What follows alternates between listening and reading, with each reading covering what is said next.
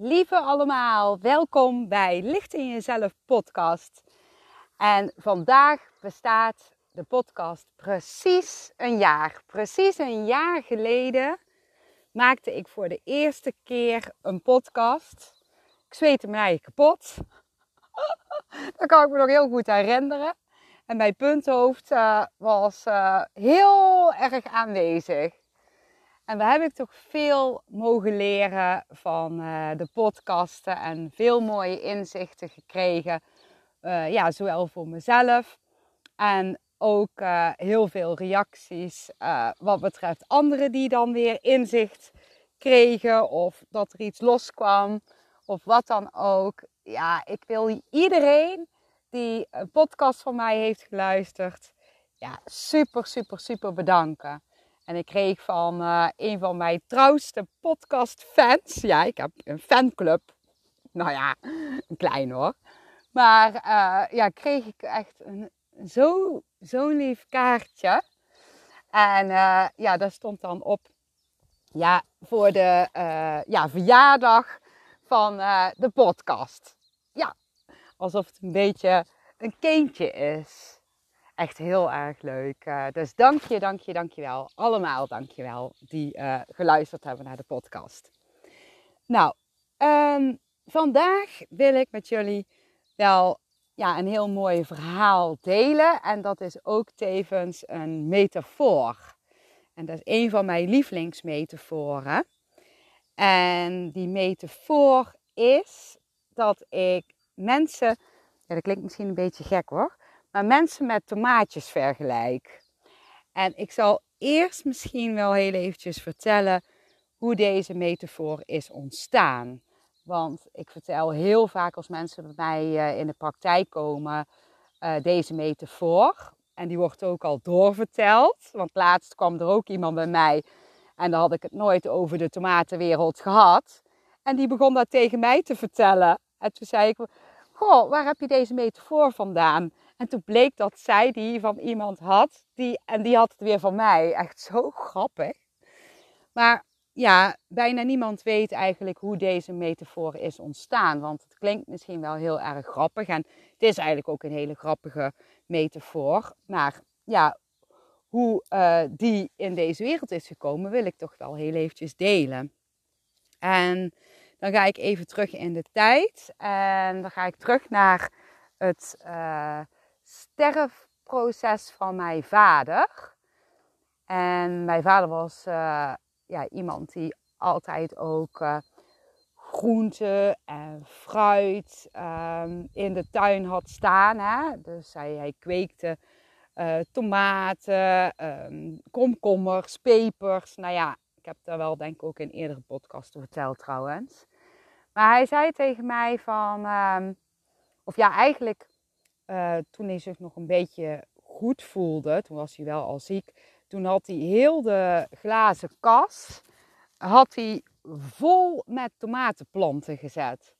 En hij wist op een gegeven moment dat hij niet meer die tomaatjes zou zien.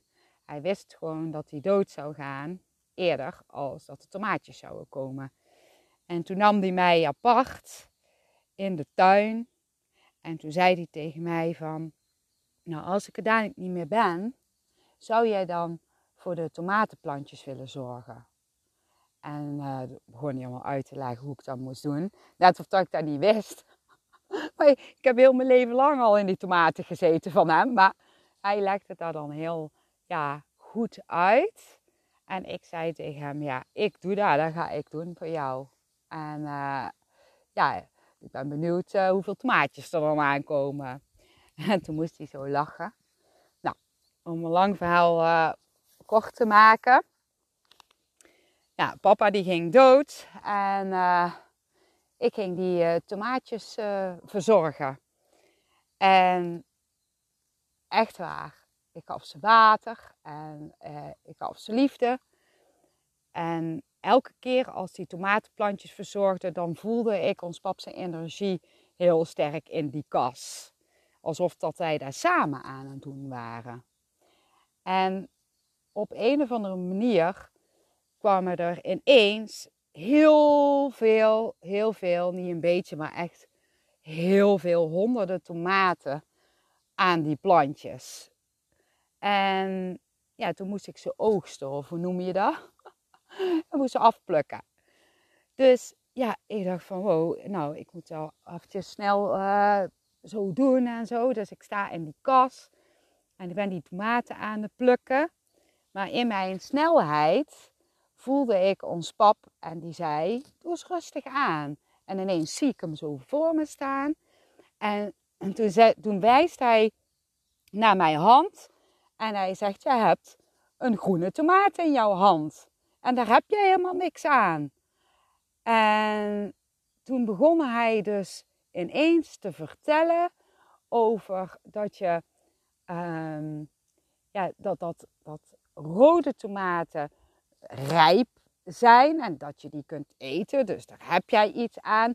En groene tomaten, daar kun je helemaal niks mee, want ja, die smaken niet.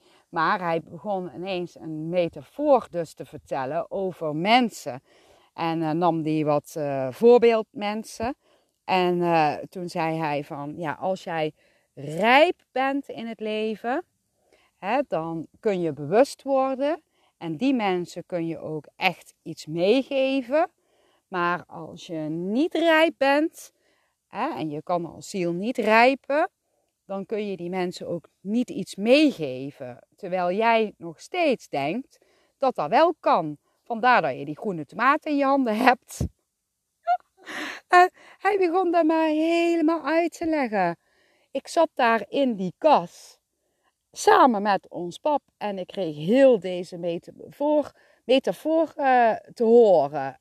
En daarna zijn er nog honderdduizend puzzelstukjes van deze metafoor in elkaar gaan passen. En telkens voelde ik ja, wel mijn vader daarbij. En ja, dan ga ik nu eens eventjes uitleggen hoe die metafoor uh, een beetje in elkaar zit.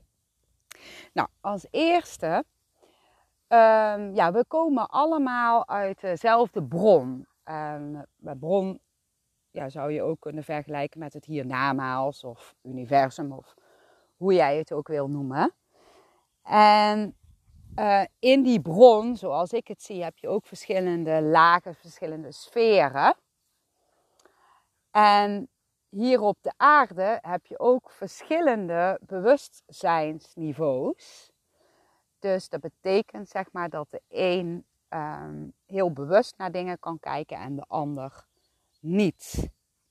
Nou, als jij een rode tomaat bent, dan ben jij iemand die heel bewust dingen in kan voelen en dingen in kan zien en daar heel graag nog bewuster van worden. Ja, je hebt een heel snel rijpingsproces en je wil je eigen dus snel ontwikkelen hier op de aarde en daar heeft de ziel ook, ook voor gekozen. Um, het zou goed kunnen dat een rode tomaat heel veel vorige levens heeft gehad. En in al die vorige levens maak je leerprocessen mee. En elke keer als je doodgaat, dan neem je een bepaalde wijsheid mee van dat leven. En dat sla je op bij het groter deel ziel. Jouw, uh, ja, de bron is waar we met z'n allen vandaan komen. Het groter deel ziel bevindt zich in de bron. En jij bent hier op aarde verbonden met dat grotere deel ziel. Dus eigenlijk, zoals ik het zie, zit er maar een klein stukje ziel uh, ja, bij jouw lichaam, of in jouw lichaam, of om jouw lichaam, of alles tegelijk, wat verbonden is met het grote deel ziel. Sommige mensen noemen het grote deel ziel ook, um, ja, uh, hoe heet het? Dan kom ik er even niet op. Misschien is het dan helemaal niet nodig. Ja, wel, je hogere zelf, of innerlijke zelf. Dus alsof dat er dan iets groter is, groter is wat in verbinding staat met jou hier nu, hier op deze aarde. En daar zit uh, ja, dan alle wijsheid. Alle wijsheid van de vorige levens zit daar opgeslagen. Maar God weet, kunnen wij uh, op nog veel meer plekken komen als alleen het aardse. Ik geloof van wel. Maar uh, daar heb ik niet zoveel inzage in gekregen. Maar ja, dan zal er ook een bepaalde wijsheid uh, zitten van nog andere gedeeltes als de aarde. Maar goed, daar ga ik het allemaal niet te veel over hebben, want we hebben het over de rode tomaat. Stel je bent de rode tomaat. Uh, ja, een rode tomaat die kan ook heel sterk de energie van anderen voelen. En die kan ook een ander dus aanvoelen. En kan um, ja, onbewust en in veel gevallen, ligt er maar net aan hoe rijp jij bent als rode tomaat, want daarin zit ook nog een verschil, uh, kun je uh, ja, dus weten ergens of voelen of zien wat uh, helpend is voor de ander. Uh, en wat ze ook voelen is vaak waar iemand ziel naartoe wil. En dat kun je dan ook onbewust en bewust voelen. Um, de rode tomaten, die hebben ook wel best wel wat leerprocessen hoor. Ja, net zoals ook de groene tomaten en de andere kleurtomaatjes, maar daar kom ik zo op. Ik wil heel even bij de rode tomaat blijven. Want ik heb een vermoeden dat de meeste mensen die deze podcast luisteren, rode tomaten zijn namelijk. Ja. En daarom uh, vind ik het wel even leuk om even daar uitgebreid te vertellen en ook daar eventjes uh, ja, bij te blijven. Maar de rode tomaat heeft best wel wat leerprocessen en ik noem er gewoon een paar op. Hè? En er zullen er vast nog veel meer zijn. Maar um, de rode tomaten mogen echt leren omgaan met energie. Het filteren van energie. Uh, ze mogen ook vaak leren om bij hun grens, uh, of hun, hun grens aan te geven en bij hunzelf te blijven. Um, ja, rode tomaten mogen echt leren om andere mensen in zijn of haar waarde te laten en alle andere kleurtomaatjes in liefde te zien. Een rode tomaat mag heel goed leren loslaten um, ja, wat energiekostend is. Maar dat telt eigenlijk ook wel voor alle andere tomaten. Maar ja, het is wel belangrijk dat een rode tomaat dat iets sneller loslaat en daarin ook gaat handelen. Want anders kan de rode tomaat daar heel veel last van hebben. En de rode tomaat leert ook om ja, nog meer af te stemmen op uh, intuïtie. Dus bewustwording van intuïtie. En een rood tomaatje mag ook um, het aanpassen aan de verwachtingen van anderen loslaten. En vertrouwen op je ja, innerlijke wijsheid. Dus weet dat je heel veel innerlijke wijsheid bezit vanuit vorige levens en van wat nog meer is. En dat je die uh, innerlijke wijsheid naar voren wil halen door je eigen te richten op persoonlijke ontwikkeling en groei. En dan vallen er vanzelf puzzelstukjes. En een rode tomaat wil ook wel heel graag leren of bewust worden dat je niet je gedachte bent. En ik voel ook dat het heel fijn is voor een rode tomaat om uh, ja, te accepteren dat, uh, ja, dat dingen gaan zoals ze gaan en dat jij daar niet altijd invloed op hebt en dat, jij, uh, ja, dat, dat dingen gewoon dus vast liggen. Ja, acceptatie, dat woord hoor ik dan ineens zo sterk. Maar nou gaan we even naar de groene tomaten. Nou, groene tomaatjes zijn mensen die dus ja, minder bewust zijn, veel minder bewust als uh, ja, de rode tomaatjes. Ze kunnen ook niet zo goed uh, ja, invoelen, bewust dan, uh, of inzien. En veel groene tomaten zitten, ja, als het ware, gevangen in het ego. Dus die gaan heel erg mee met het punthoofd. Uh, ze zitten dus ja, meer in het, uh, in het hoofd, hè, in het punthoofd. En praten dan ook vaak vanuit het hoofd. Dus de woorden die ze zeggen, heeft met hoofdpraat te maken. En ze kunnen vaak voor een rode tomaat heel irritant overkomen. Terwijl ze daar vaak niet eens door hebben. En de rode tomaat mag dus leren om hiermee om te gaan. Maar daar kom ik denk ik dadelijk nog wel op. Ik kan hier zoveel over vertellen weer. Um, even kijken. Een groene tomaat uh, bekijkt het vanuit zijn of haar ja, bewustzijn, zienswijze. En dat is vaak ook hoe hij of zij het mee heeft gekregen vanuit een aardse werkelijkheid. En een groene tomaat snapt vaak niet wat een rode tomaat bedoelt, alsof dat de rode tomaat Chinees aan het praten is. En het kan dus eh, voor een groene tomaat heel erg irritant zijn als een rode tomaat um, te veel de groene tomaat wil helpen. Nou, de, de ziel van de groene tomaat, die heeft er ook echt wel voor gekozen om door een traag rijpingsproces heen te gaan. En de groene tomaat is daar natuurlijk helemaal niet van bewust. Nou, een uh, groene tomaat die kan heel veel druk voelen van de rode tomaat. Als de rode tomaat hem dus te veel wil helpen of te veel mee wil geven. Daar kom ik toch heel eventjes nou weer bij terug. Um, want als jij zeg maar um, ja, iemand aan het helpen bent die dus nog niet rijp is en nog niet kan rijpen, terwijl jij iemand bent als rode tomaat die juist wel in een snelle ontwikkeling of rijpingsproces zit, dan voelt die groene tomaat een druk van jou. En die druk die kan dus heel irritant zijn, waardoor dat de groene tomaat irritatie uit gaat zenden naar jou. En jij pikt die irritatie weer op. En dan, wat gebeurt er dan? Krijg je een spanningsveld. Nou, dat is niet zo heel erg gezellig, zo'n spanningsveld.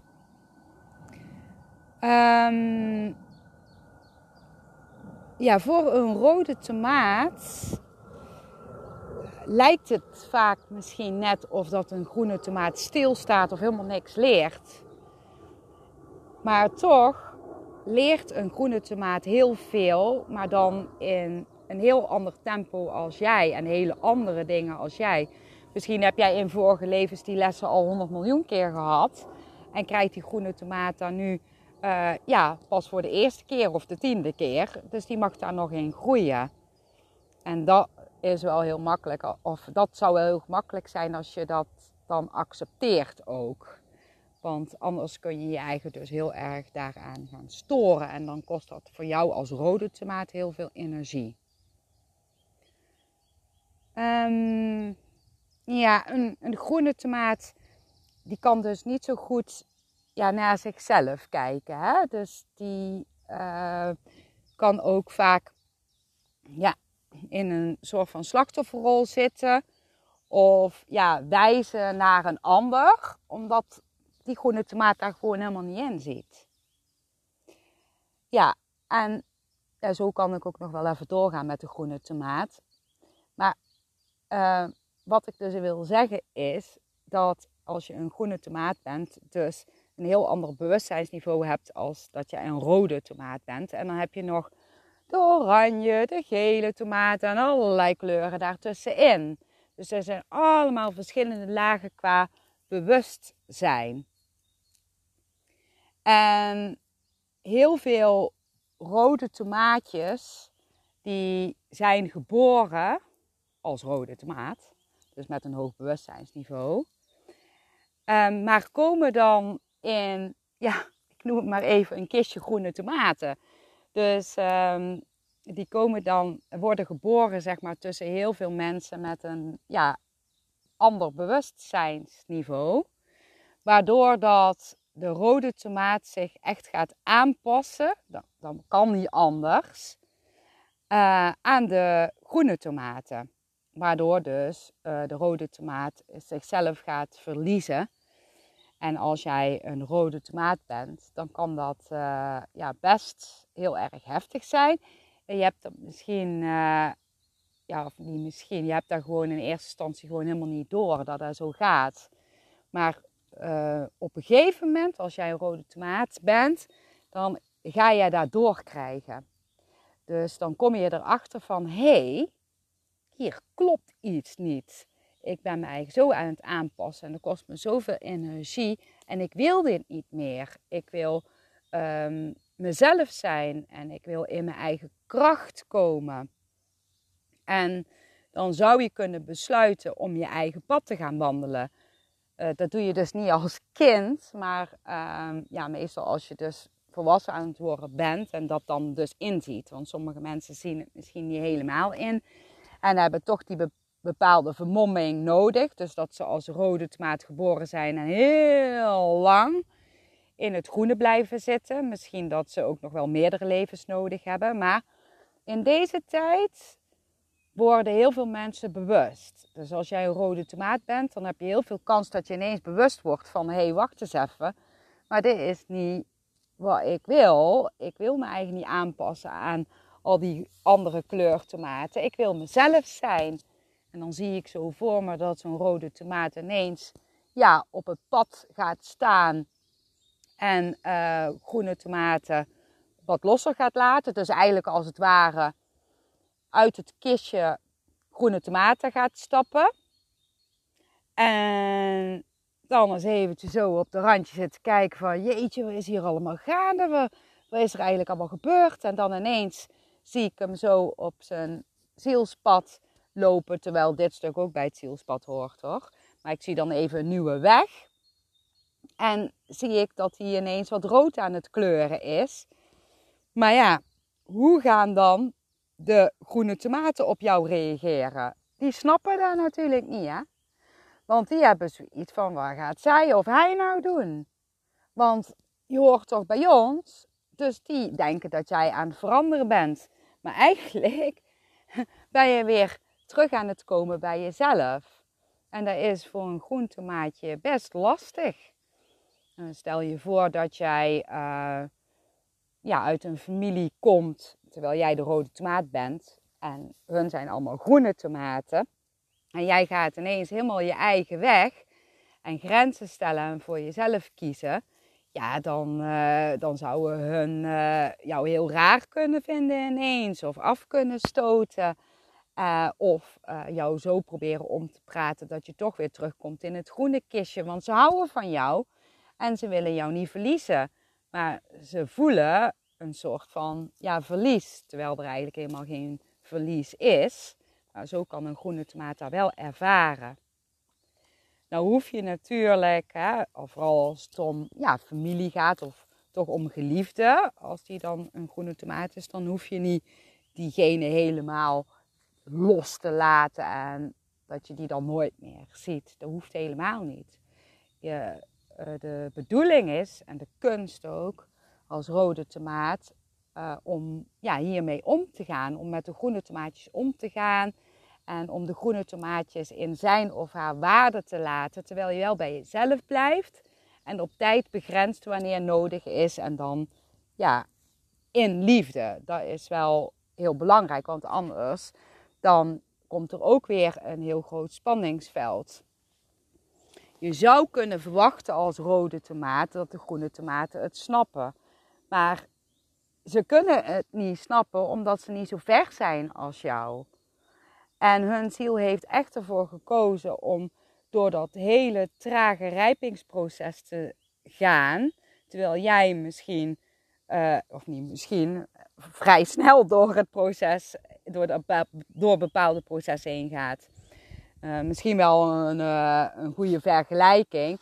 Dan zou de groene tomaat voor jou misschien als een slak met secondenlijm zijn. In zijn of haar ontwikkeling. En jij de gazelle die uh, heel hard gaat. Maar je kunt niet verwachten van een groene tomaat dat die dan ineens de gazelle gaat zijn.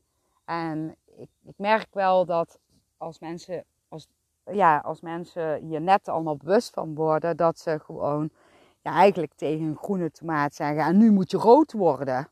En, en alles uit de kast halen om hun het uit te leggen, terwijl dat kei veel energie kost. Nou, dat is hetzelfde als je een kleutertje hebt. Uh, ja, als er nu een kleuter voor me staat, dan ga ik mij aanpassen aan die kleuter terwijl ik wel bij mezelf blijf. Maar ik ga allemaal niet moeilijke dingen uitleggen aan die kleuter, want dan wordt die kleuter lastig. En dan, dan wordt het moeilijk voor die kleuter en dan krijgen we een spanningsveld.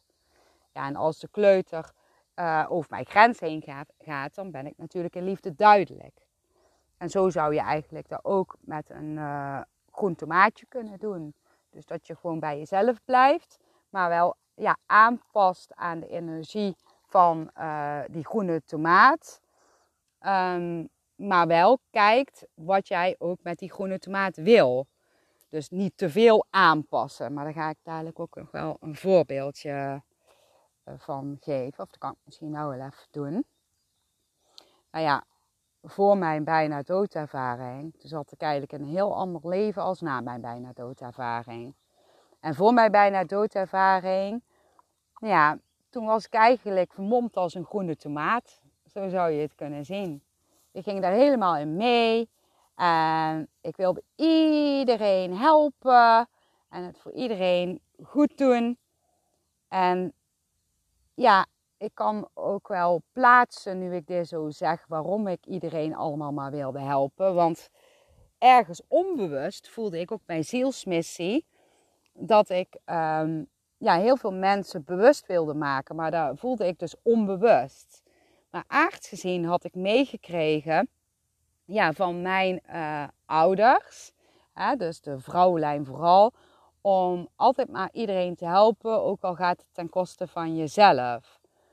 En als ik dan nog dieper ga, dan zit ik heel eventjes in de baarmoeder van mijn moeder. En dan voel ik het verlies van uh, Ronnie. En Ronnie is dus mijn broertje die voor ons is geboren. Ik ben van een tweeling. En Ronnie is dus overleden. En mijn moeder was natuurlijk heel bang ergens. Uh, dat uh, de kindjes die dan in haar buik zaten, daar waren wij dus. Dat die ook zouden ja, komen te overlijden. En dat gevoel heb ik wel voor mijn gevoel ergens in mijn systeem gezet. En als ik dan zo naar mijn leven kijk, dan komt uh, dat ook wel ja, steeds terug op verschillende vlakken. Um, en ik noem even een paar vlakken. Nou, um, kijken hoor. Ik, weer, ik moet zo terug in de tijd. En dan ga ik ook weer terug naar het ziek zijn van mijn moeder bijvoorbeeld. Ik had het gevoel, ja, ik moet haar helpen, want als ik haar niet help, dan gaat ze dood. Dus ik heb haar ja, zo geholpen, alsof dat ik dan dus de moederfiguur in het gezin was, waardoor ik dus ook mezelf uh, ja, verloor. Ik kon niet anders, omdat ik ja, super bang was dat ze dood zou gaan. Nou, en dan heb ik ook nog uh, ja, een van mijn eerste vriendjes. Daar uh, ja, had ik dan verkering. Nee, zo heet dat, verkering toen. Ik weet niet hoe dat nou heet. Het is aan. En ja, hij was uh, best wel jaloers. En ik ging me eigenlijk ook heel erg aanpassen aan hoe hij het wilde. En ergens voelde ik van ja, maar dat wil ik helemaal niet. Maar ik durfde het niet uit te maken. Want op het moment zeg maar, dat, dat ik op het punt stond om het uit te maken, dreigde hij met zelfdoding. Nou, kan je nagaan. ik was natuurlijk heel bang dat iemand doodging, dus ik ging weer helpen. Maar uiteindelijk gebeurde er iets toen, waardoor ik het toch los kon laten. En ik weet eigenlijk niet hoe. Maar er was iets in me en ik denk dat mijn intuïtie daar ook wel aangaf, onbewust. Ik ben daar zo nou zo eventjes over aan het voelen. Maar er was iets wat zei van, ga terug naar jezelf. En ik voelde ook dat hij niet um, uh, die zelfdoding toe zou passen. Er was een speciaal gevoel. En hij had zo'n verschrikkelijke dingen gedaan, waardoor ik ineens op het punt kwam van ja, nu kan ik niet anders dan deze relatie te verbreken.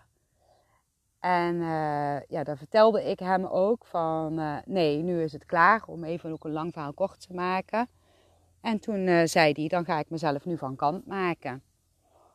Maar toen kwam er ook zo'n gevoel van, nou ja, als jij dat doet, dan doe jij dat maar. Maar dat is niet mijn verantwoordelijkheid. Dat gevoel kwam, maar dat was niet letterlijk zo vertaald, maar dat was echt een heel sterk gevoel. En toen fietste hij weg. En toen zei mijn denken, mijn punthoofd, die zei, nou fiets er maar even achterna voor de zekerheid. Want dadelijk dan gaat dat gebeuren, dan is dat jouw schuld. Terwijl ik toch ergens vertrouwen voelde, maar ik heb hem, ben hem dus stiekem achterna gefietst. En ja, wat wel was, was dat hij op een hele drukke autoweg, ging hij in het midden van die weg ging hij fietsen en zo fietste hij naar huis. En toen, toen zei iets in me, draai maar gewoon om, want dit gaat dat gaat niet gebeuren, daar hoef je niet bang voor te zijn en het is gewoon nu klaar. En vanaf dat moment was het ook klaar en toen heb ik hem nooit meer gezien. Maar toen kreeg ik dus een relatie met iemand anders en uh, dat was nog een moeilijkere relatie. Dus misschien was het ook wel de bedoeling, ja, niet misschien, achteraf gezien was het de bedoeling dat ik die relatie ging krijgen dat was voorbestemd ook, net zoals die andere relatie ook, om uh, mijn hele grote angsten, uh, innerlijke trauma's, uh, systemisch wat ik allemaal bij me droeg, om dat los te gaan koppelen. Nou, ah, dat is wel een hele, hele weg geweest. En nou ja, uiteindelijk ging ik, kreeg ik die bijna doodervaring.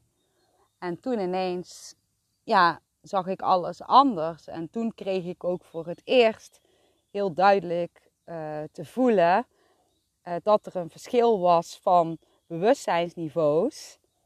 En later heb ik dus uh, de metaforen tomatenverhaal gekregen, waarbij ik het nog, nog, nog, nog veel duidelijker allemaal ging zien.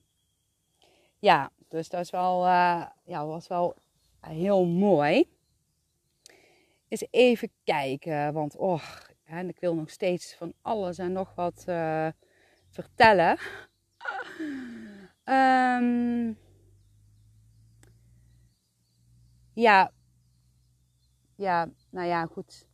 Hè, jullie weten, zeg maar, die bijna doodervaring die kwam omdat ik gewoon echt zo erg ziek was. En ik werd dus geopereerd. En waarom was ik zo ziek? Omdat ik me eigen dus heel erg had aangepast aan al die groene tomaten. En ik had mijn eigen daardoor mega verloren. En na die bijna doodervaring voelde ik me, voelde ik me eigen ineens de rode tomaat. Maar dat was wel een hele, um, hoe noem dat? Ja, extreme overgang. Dus het ging niet geleidelijk, maar dat was ineens. Dus uh, ik kon ook niet anders dan uit dat kistje groene tomaten te stappen. Want als ik daar niet uit zou stappen, zou ik dus uh, ja, heel, nog veel zieker worden. En dat kon eigenlijk niet, want dan, dan werd het me dood. Maar ik had in die bijna doodervaring, had ik gevoeld, uh, mijn verdere zielsplanning.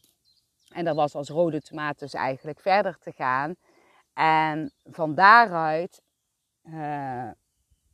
ja, iedereen die bewust wil worden, um, ja, een stuk bewust ook maken. Dan kom ik dus weer uit naar mijn zielsmissie. Want um, ja, dus eigenlijk deel 2 van mijn leven na de bijna doodervaring zou ik dus mijn zielsmissie, zielsdoelen veel meer gaan verwezenlijken. En in mijn eerste deel, dus voor de bijna doodervaring, heb ik dus heel veel ervaringen opgedaan hoe het is om mezelf te verliezen, om uiteindelijk um, op een ja, hele krachtige manier mensen weer terug te brengen naar hunzelf. Die ervoor openstaan. Hè? Ja, oh, ik hoop nog dat jullie het allemaal kunnen volgen. mijn punthoofd zegt van niet. Maar mijn gevoel zegt van jawel. En anders luister je hem gewoon nog een keertje als je het leuk vindt dan. Hè? Want dan pak je er toch weer ja, andere stukjes uit. Um, ja, ik, ja, ik, ik, ik hoop dat het wel, ik vind het wel heel belangrijk om ja, het duidelijk te maken met dat ik dus, ja, dus dat mijn zielsmissie is om andere mensen ja, bewust te maken. Hè, wie er voor open staat dan. En dat ik dus aardsgezien uh, mee heb gekregen om iedereen te helpen. Omdat ik een angst had, ja, dat als ik niet help, dat ze dan doodgaan.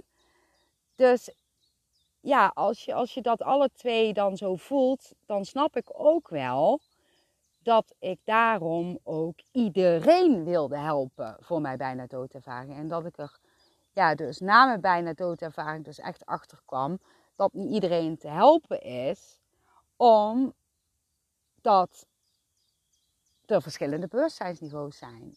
Dus de groene en de rode tomaat en allerlei tintjes daartussenin. En wat ik jullie mee wil geven is, ja, dat, dat, het, ja, dat het voor jullie daardoor ook duidelijker is waarom sommige mensen bepaalde dingen niet in kunnen zien.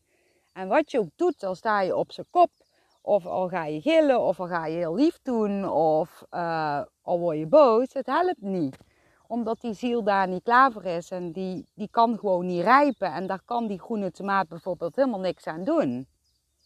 Maar jij als rode tomaat kunt hier dus bewust van worden, waardoor dat je toch ja, leert om met die groene tomaat om te kunnen gaan. Want dat is wel een heel mooi proces.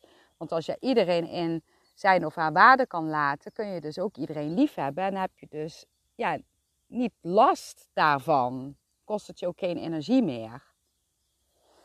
Ja, een, uh, van, van een groene tomaat bijvoorbeeld uh, kun je wel ja, heel veel leren. Je kunt bijvoorbeeld leren om, dus om bij jezelf te blijven en dus mensen in zijn of haar waarde te laten en grenzen aan te geven. Dus het is niet voor niks als je groene tomaatjes op je pad hebt. En soms dan kom ik ook ja, uh, groene tomaten tegen.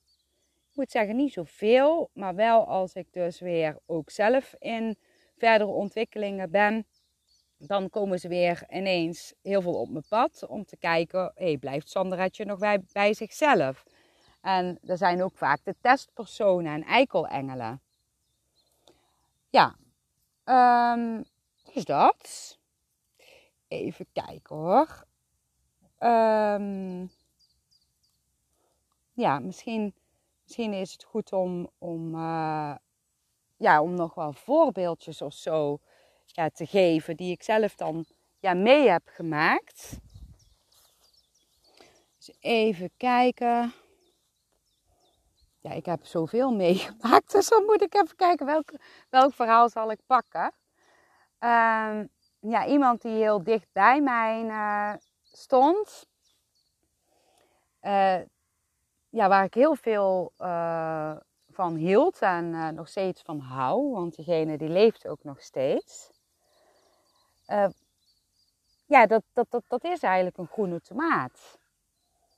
En ja, wat, wat ik heel erg deed is, en vooral na die bijna doodervaring, om die groene tomaat dus heel erg duidelijk te maken uh, hoe je rood kunt worden. Want ja, ineens was ik daar zo enthousiast over. Ik zag ineens zoveel en ik gunde, ik gunde hem daar gewoon heel erg. Maar wat gebeurde er toen? Nou, hij voelde zo'n ontzettende druk van mij, waardoor hij um, ja, zich nogal gemeen, gemeen tegen mij op ging stellen. En misschien was dat, of niet misschien, nee, dat was gewoon mijn leerproces uh, om ja, hiermee om te gaan. Maar ik vond dat toen nog heel lastig en ik snapte er eigenlijk helemaal niks van.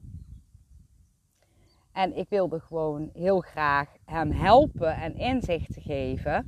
En dat bedoelde ik echt in liefde. Maar dat kwam voor hem dus als een hele grote druk over. Waardoor dat hij dus ja, gemeen ging doen en irritant ging doen naar mij. En ik pikte dat dus heel erg op. Waardoor dat er een heel groot spanningsveld ontstond tussen ons. Waardoor uh, ik hem niet meer wilde zien en hij mij ook niet meer. Maar dat was volgens mij ook niet de bedoeling. Want ik voelde een gemis. Want ja, hij was en is me heel erg dierbaar. En toen heb ik een, uh, meditatie gedaan en om inzichten gevraagd. En toen kreeg ik hele mooie inzichten. Toen kreeg ik ook het inzicht dat hij ja, bepaalde dingen niet zo begreep zoals ik ze kon begrijpen. En toen kwam ook dat tomatenverhaal uh, eigenlijk weer naar voren. En wat ik toen ben gaan doen is om uh, ja, die druk die ik hem gaf, om die ook eens even los te laten en hem in zijn waarde te laten en echt in te zien van ja, maar hij, hij kan wel helemaal niet anders. En ik verwacht dus eigenlijk heel veel van hem. Maar hoe kan ik zoveel van hem verwachten als zijn ziel ervoor gekozen heeft om in dit proces of om dit bewustzijnsniveau te zijn? Dat kan ik toch helemaal niet veranderen. Wie ben ik om dat te veranderen? Ja, dat kan ik helemaal niet, want zijn ziel heeft daarvoor gekozen en dat kan helemaal niemand veranderen. Want zijn ziel wil daar doorheen gaan en heeft daarvan te leren. Zag ik ineens allemaal zo duidelijk in. En toen ging ik hem heel veel licht en liefde sturen. En ik bedankte hem, uh, ja, dat doordat hij, ja, doordat het zo was gebeurd, dat ik die inzichten ook had uh, mogen krijgen en zo. En ja, dat voelde heel fijn.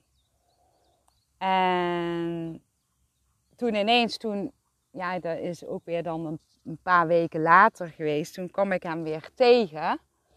En toen kon ik ook echt een stuk loslaten, die verwachting die ik eigenlijk had. Waardoor dus hij niet meer die druk voelde. En ik paste me aan aan zijn bewustzijnsniveau. Net zoals dat ik me aan zou passen aan een kleuter die voor mijn neus staat, waar ik het hartstikke gezellig mee kan hebben. En ik ging eigenlijk kijken van, goh, wat vindt hij hè, uh, leuk? En wat vind ik dan ook leuk om samen te doen? En dat gingen we doen, waardoor dat onze band ineens weer ja, heel mooi werd en alles weer heel goed voelde. En nu is het zo als ik hem ja, bel, nou, dan vertel ik uh, gewoon ja, over koetjes, kalfjes, dingetjes en datjes. Dus uh, ja, afgestemd op zijn bewustzijnsniveau. En het is zo apart, want doordat ik dat doe, vertelt hij mij dingen. En die dingen, die heb ik dan net op dat moment nodig. Terwijl hij niet in de gaten heeft dat ik dat op dat moment nodig heb. En daardoor leer ik eigenlijk superveel van die groene tomaat. Ja, dat wou ik, uh, dat vond ik al een mooi verhaal. Dat wou ik wel echt heel graag delen. Um, even kijken. Misschien nog een uh, mooi voorbeeldje. Ja, ja, dat is ook wel een mooi voorbeeld. Dat is ook weer zo lang geleden alweer. Maar er was een meisje. En dat meisje, uh, dat kwam heel vaak bij mij was gewoon een, uh, een heel klein meisje. En die ouders die, ja, die moesten heel vaak werken. Dus ja, ik ving haar eigenlijk op. En dat meisje was ook gewoon een rood maatje. En we hadden een hele ja, liefdevolle band met elkaar. Ze voelde wel een beetje als, als mijn kind. En uh, ja, ik, ik uh, zorgde dus heel veel voor haar.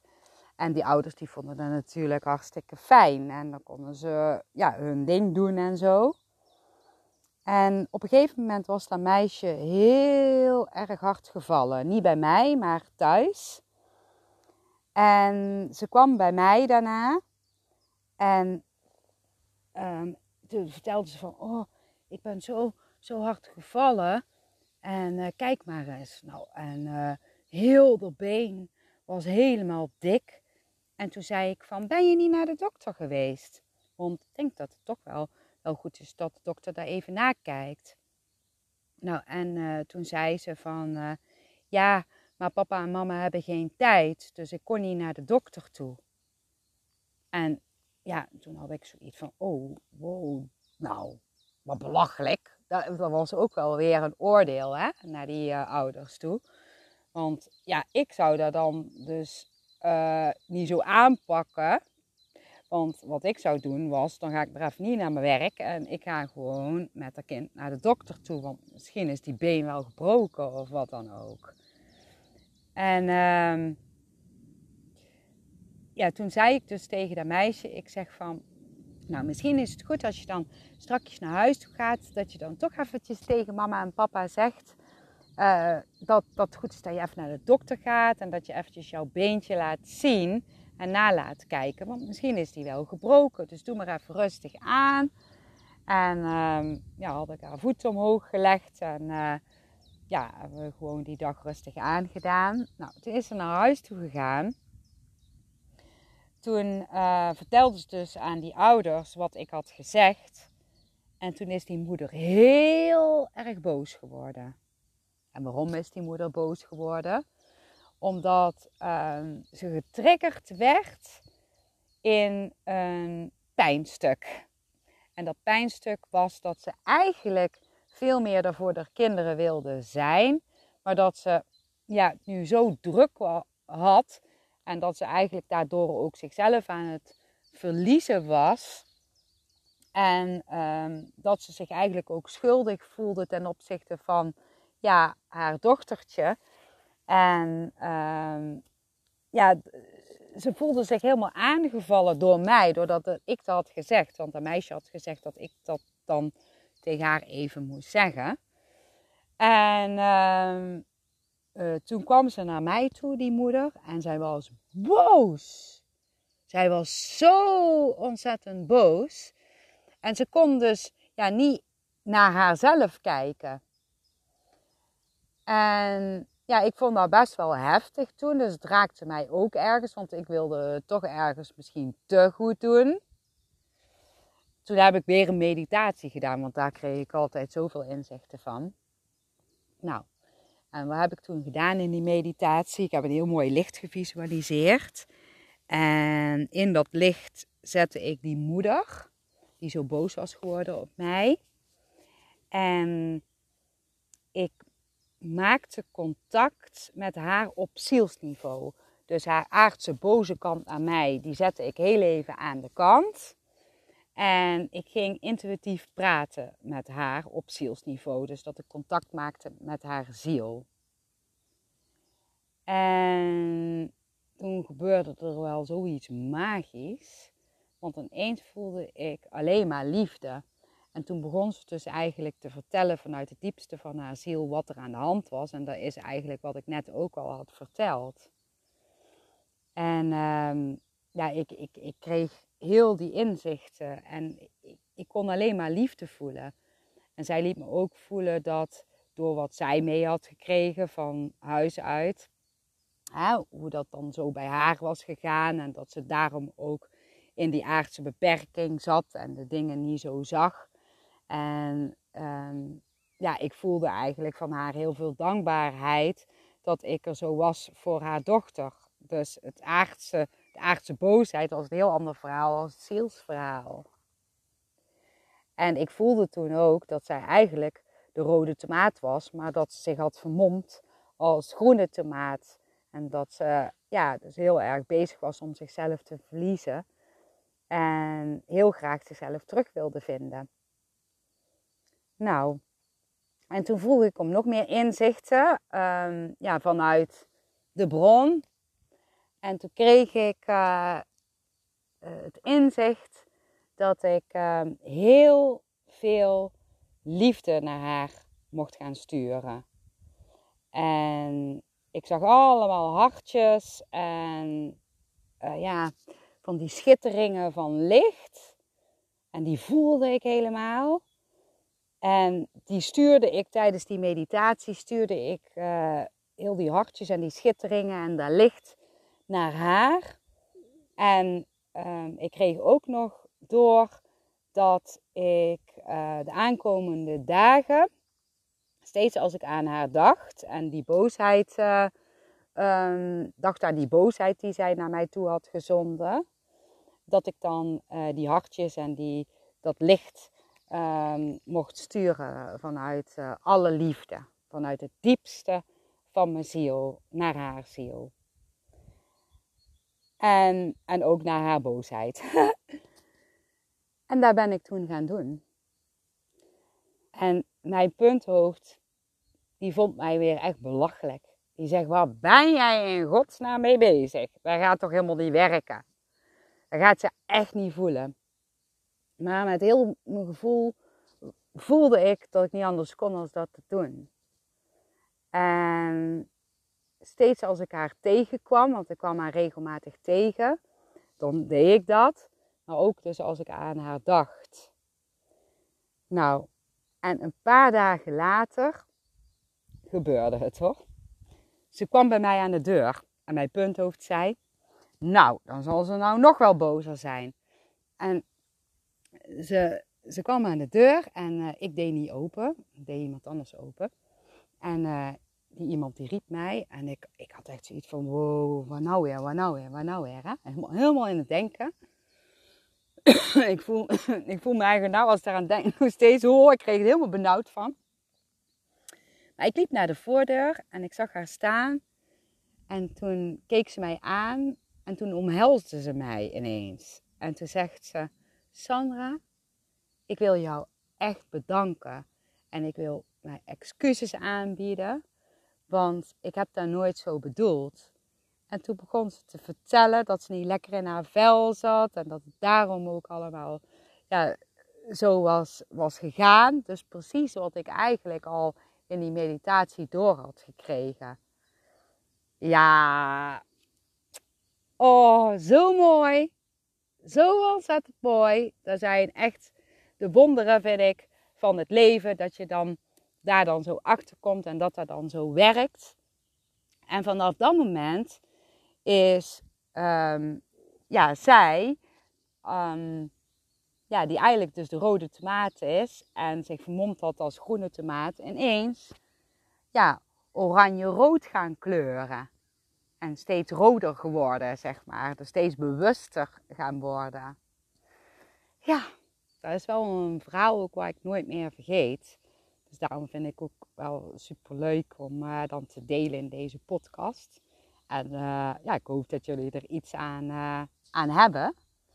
En ja, ik, ik hoop ook hè, dat je nu door deze podcast te luisteren, um, ja, kunt zien wat voor tomaatje voor je neus hebt. Ik doe dat heel vaak. Hè? Dus als ik iemand voor me zie, die ik, vooral die ik nog niet ken, of die bij mij in de praktijk komt, dan kijk ik altijd van: hey, wat voor kleur tomaat zit er voor mijn neus? En hoe rijp is deze tomaat? En misschien kunnen we als rode tomaat 100% invoelen in de groene tomaat. Maar is diegene daar helemaal niet aan toe? En kun je maar 1% meegeven? En als je dan gewoon 1% meegeeft, dan behoud je gewoon jouw energie. En dan zal de groene tomaat helemaal geen druk voelen. Maar als jij 20% eh, mee gaat geven of 2%, dan gaat het al energie kosten. En dan is dat natuurlijk voor jou niet fijn, want jij gaat dan heel laag in je energie zitten. Maar voor die groene tomaat is dat ook helemaal niet fijn, want die ervaart daardoor een mega druk. Dus dat werkt eigenlijk voor niemand uh, als je dat doet. Dus ja, ik kijk dan van hoeveel procent kan ik meegeven. En ik hou me eigen dan ook aan die procenten, zeg maar. En ik ga niet meer geven als wat nodig is. Heel soms dan mislukt dat. Om heel eerlijk te zijn, want ik ben natuurlijk ook gewoon mens. Maar dan herpak ik mezelf wel weer. En uh, ja, ik ben heel dankbaar dat ik dit zo weet. En uh, ja, daardoor kan ik toch wel uh, ja, iedereen lief hebben, ongeacht wat hij doet. En ja, dat komt misschien ook wel omdat je dan heel erg kan kijken naar ja, de aardse beperking van iemand. En naar uh, het zielsverhaal van iemand. Hè? Dat is wel een heel groot verschil. Nou, als je iemand op zielsniveau kunt zien, dan kun je iemand dus ook echt lief hebben. Nou, lieve allemaal. Dank je, dank je wel weer voor het luisteren. Dit is misschien wel eh, een van de langste podcasten ever. Mijn hond is in slaap gevallen hier in het veld. Die ligt lekker in het zonnetje en ik zit ook nog steeds heerlijk in het zonnetje. Ik hoop dat jullie eh, vandaag lekker kunnen genieten. En eh, als jullie iemand zien, dan zou ik zeggen: kijk eens even wat voor kleur tomaatje het is. Heel veel liefs. Doei doei.